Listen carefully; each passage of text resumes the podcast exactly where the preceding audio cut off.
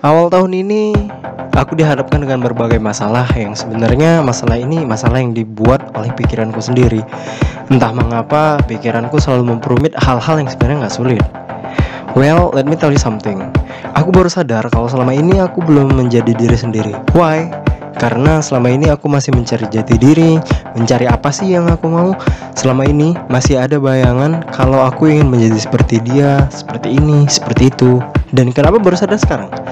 Karena aku sudah capek ya capek dengan perlakuan orang sekitarku capek dengan respon cuek dan capek dengan segala hal. Itu kan salahku sendiri. Ya aku tidak menyalahkan orang lain. Aku sadar aku salah terlalu terpaku terhadap satu hal.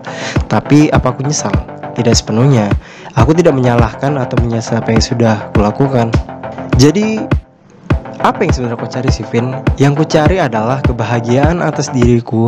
Selama ini aku terlalu mengikuti, terlalu menginginkan, tapi tak pernah aku lakukan. Terus apalagi yang ku keluhi? Aku bukan mengeluh atau ingin mengeluh. Aku hanya sedang mengistirahatkan pemikiranku, sedang menenangkan perasaan dan diriku, dan secepatnya mungkin aku akan menjadi Alvin Alusen yang apa adanya dan Alvin Alusen yang kalian akan kenal, bukanlah Alvin Alusen yang fake lagi sih. So jadi ya karena semua lebih dari secukupnya